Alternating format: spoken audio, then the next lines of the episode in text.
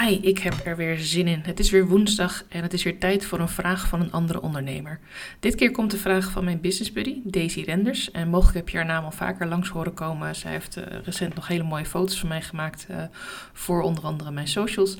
En uh, wij werken eigenlijk al sinds het begin dat ik dit bedrijf opgestart, werken wij samen. Ik heb ook al vaker verteld dat zij in 2016 mijn huwelijk heeft gefotografeerd. En dat ik eigenlijk haar ben gaan volgen, daarna ook blijven volgen.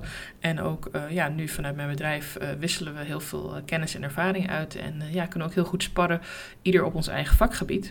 En toen ik haar dus vertelde over deze vragen, zei ik: Joh, heb jij niet ooit een keer een vraag? zou je het leuk vinden om iets te stellen? Nou, echt, ik had niet veel meer hoeven zeggen, want binnen een dag had ze er ook eentje ingesproken. Hartstikke tof.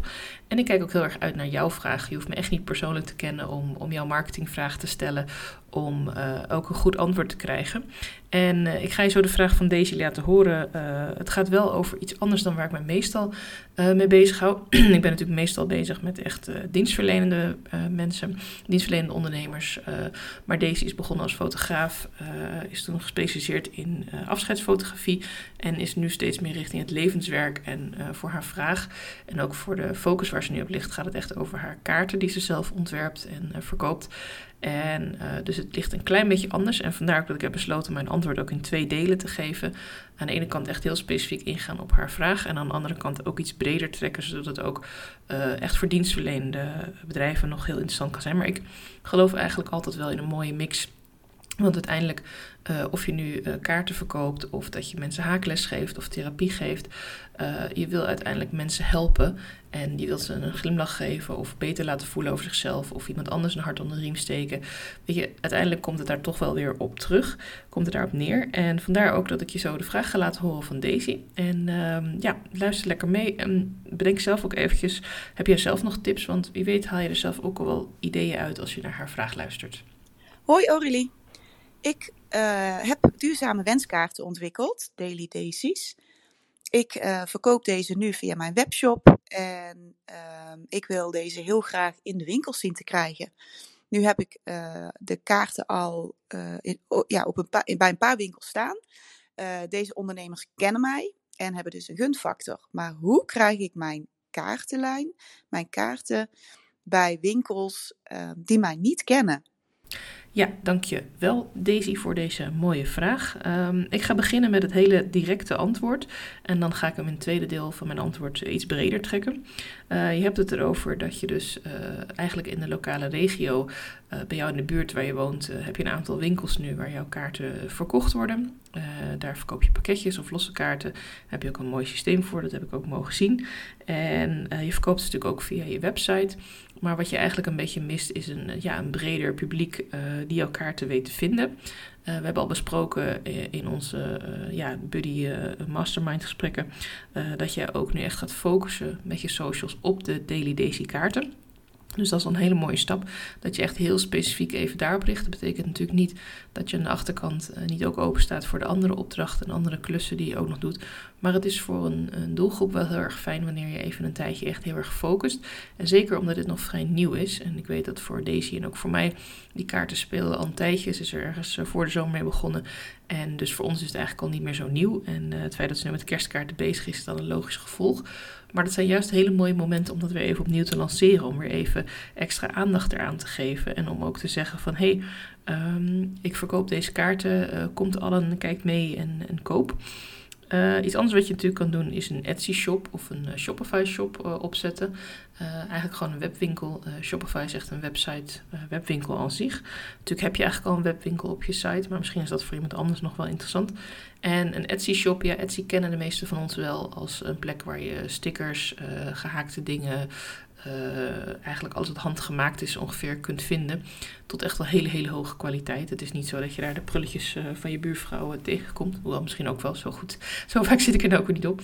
Maar waar Etsy eigenlijk voor staat is dat het vooral heel veel ja, handgemaakt, kleine oplages. hoeft ook niet altijd per se. Maar dat is een beetje het beeld wat we denk ik wel hebben. En ik denk dat een Etsy shop wel even wat werk is om op te zetten. Ik heb er zelf ook naar gekeken van hey, hoe werkt dat? maar ik denk dat er ook wel heel veel over te vinden is. En dat het ook wel een een grote internationale afzetmarkt betekent.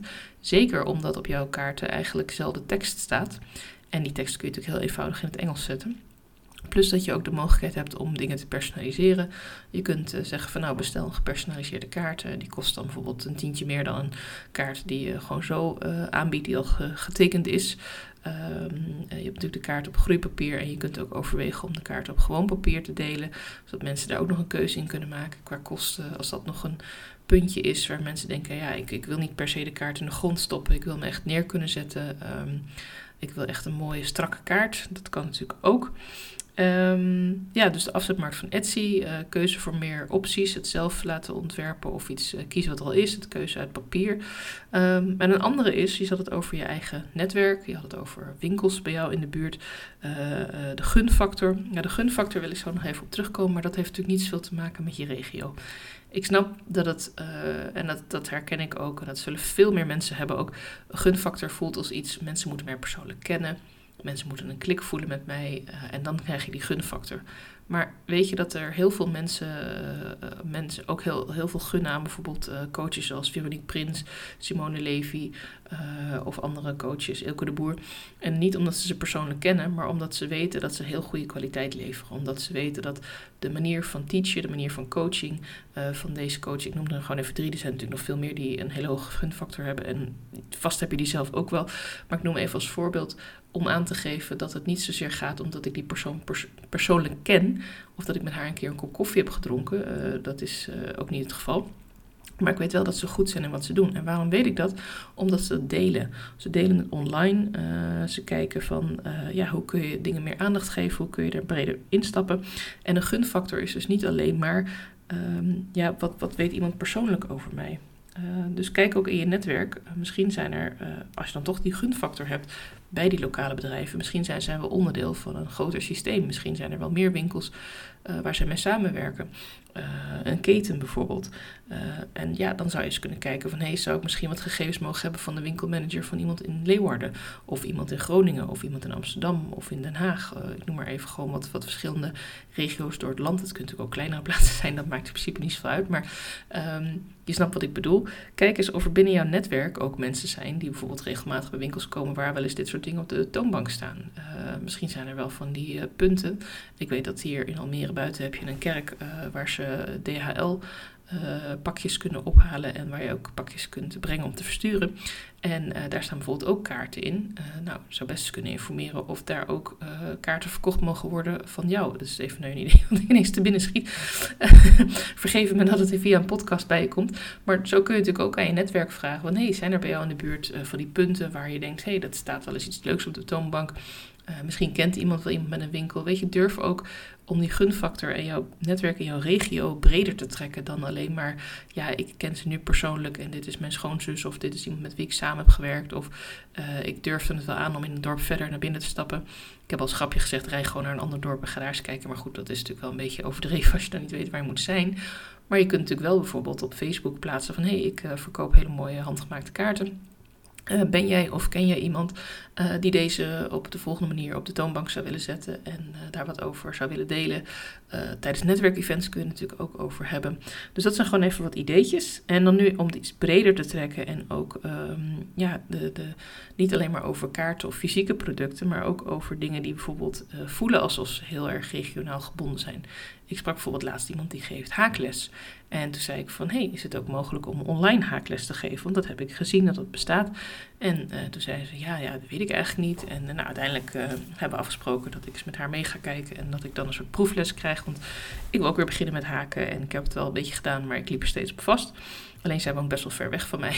Dus het is voor mij niet even een optie om dan wekelijks even anderhalf uur in de auto te stappen. Alleen voor een uurtje haakles. Dus ik dacht, nou ja, als het kan. En dat geldt natuurlijk niet alleen daarvoor. Dat geldt ook voor healing. Het geldt ook voor massage. Het geldt ook voor als je etherische oliën verkoopt. Het geldt ook voor als jij um, uh, mensen echt wil kunnen aankijken tijdens een gesprek. Wil kunnen voelen. Misschien uh, heb je een danstherapie of, of iets anders waarmee jij... Uh, misschien heb je wel zo'n kampvuursessie. Ik noem maar wat dingetjes. En dan denk je, ja, dat kan ik eigenlijk alleen in mijn regio verkopen kopen. Want tenzij ik iets van vier of vijf uur organiseer met, met lunch en alles erbij, ja, dan kunnen mensen wel anderhalf uur in de auto stappen. Maar als het drie kwartier tot een uur is, ja, dat doen ze niet zo snel. Kijk dan in hoeverre jij uh, dit naar online kunt trekken. Kun je jouw diensten ook online aanbieden? Is het mogelijk? Kijk, massage niet, dat snap ik, dat is niet te doen. Maar je kunt bijvoorbeeld wel zeggen, nou, uh, ik masseer je in, tijdens vier maanden twee keer op mijn tafel. En tussendoor hebben wij gesprekken. En kun ik ook wat dingetjes opsturen, zoals olie, of die neem je mee als je hier bent. En we praten erover en ik uh, maak ook wat video's van hoe je met je partner of met je kinderen of bij jezelf bepaalde uh, oefeningen kunt doen die je bijvoorbeeld dagelijks kunt herhalen. Misschien is het lekker om s morgens even te stretchen. Dan heb je misschien minder massage nodig. Ik noem maar gewoon even iets, weet je. Denk eens na hoe jouw um, aanbod ook zou kunnen werken op afstand. En dat kan deels natuurlijk online zijn, dat je een video maakt. Of je, dat je dingen opneemt die je samen bespreekt en dat ze dan daarmee aan het werk kan gaan. Dat ze jou kan appen bijvoorbeeld met vragen. Uh, het kan ook zijn dat je gewoon één keer in de week even incheckt en dat je dan om de drie weken een fysiek gesprek hebt. Dat zou ook kunnen, of om één keer in de maand. Uh, misschien is het mogelijk om een locatie te vinden tussen jullie beiden in. Dat is wat lastiger als je meerdere klanten wilt helpen. Uh, oh ja, als je meerdere klanten wilt helpen, misschien kun je iets met een groep doen. En misschien is het dan wel de moeite waard om bijvoorbeeld, stel dat al jouw klanten een beetje uit het noorden en het midden komen. Je woont zelf in het zuiden. Dat je zegt, nou ik ga in de regio Utrecht een zaaltje huren. En ik ga daar met een groep zitten, één keer in de zoveel tijd. Kijk hoe je zelf ook uit je eigen regio kunt stappen. Want het feit dat jij in jouw regio bekendheid hebt en een gunfactor hebt, betekent niet dat er geen klanten in andere regio's kunnen zijn. Ik zei net al, een online shop kan daar ook bij helpen. Uh, maar ook het online aandacht geven. Het uh, meer delen erover. Dus niet alleen het precies met die ene klant dat gaan doen en, en die massage geven. Of die haakles waarbij je dan direct mee kan kijken. Hé, hey, die steek gaat niet goed, dat moet je even anders doen. of... Um, als je het hebt over een healing, ja, misschien kan dat wel online. Of, of dat je zegt van ik geef je op dat en dat tijdstip, stuur ik je wat healing toe. En daarna appen, bellen, zoomen we er nog even over. Um, maar ook het feit dat je online dingen meer onder de aandacht mag brengen. Uh, regelmatig posten. En dan niet alleen maar van, uh, nou, ik maak kaarten, maar laat ze ook zien. Uh, ik ga even terug naar het voorbeeld van deze hierin.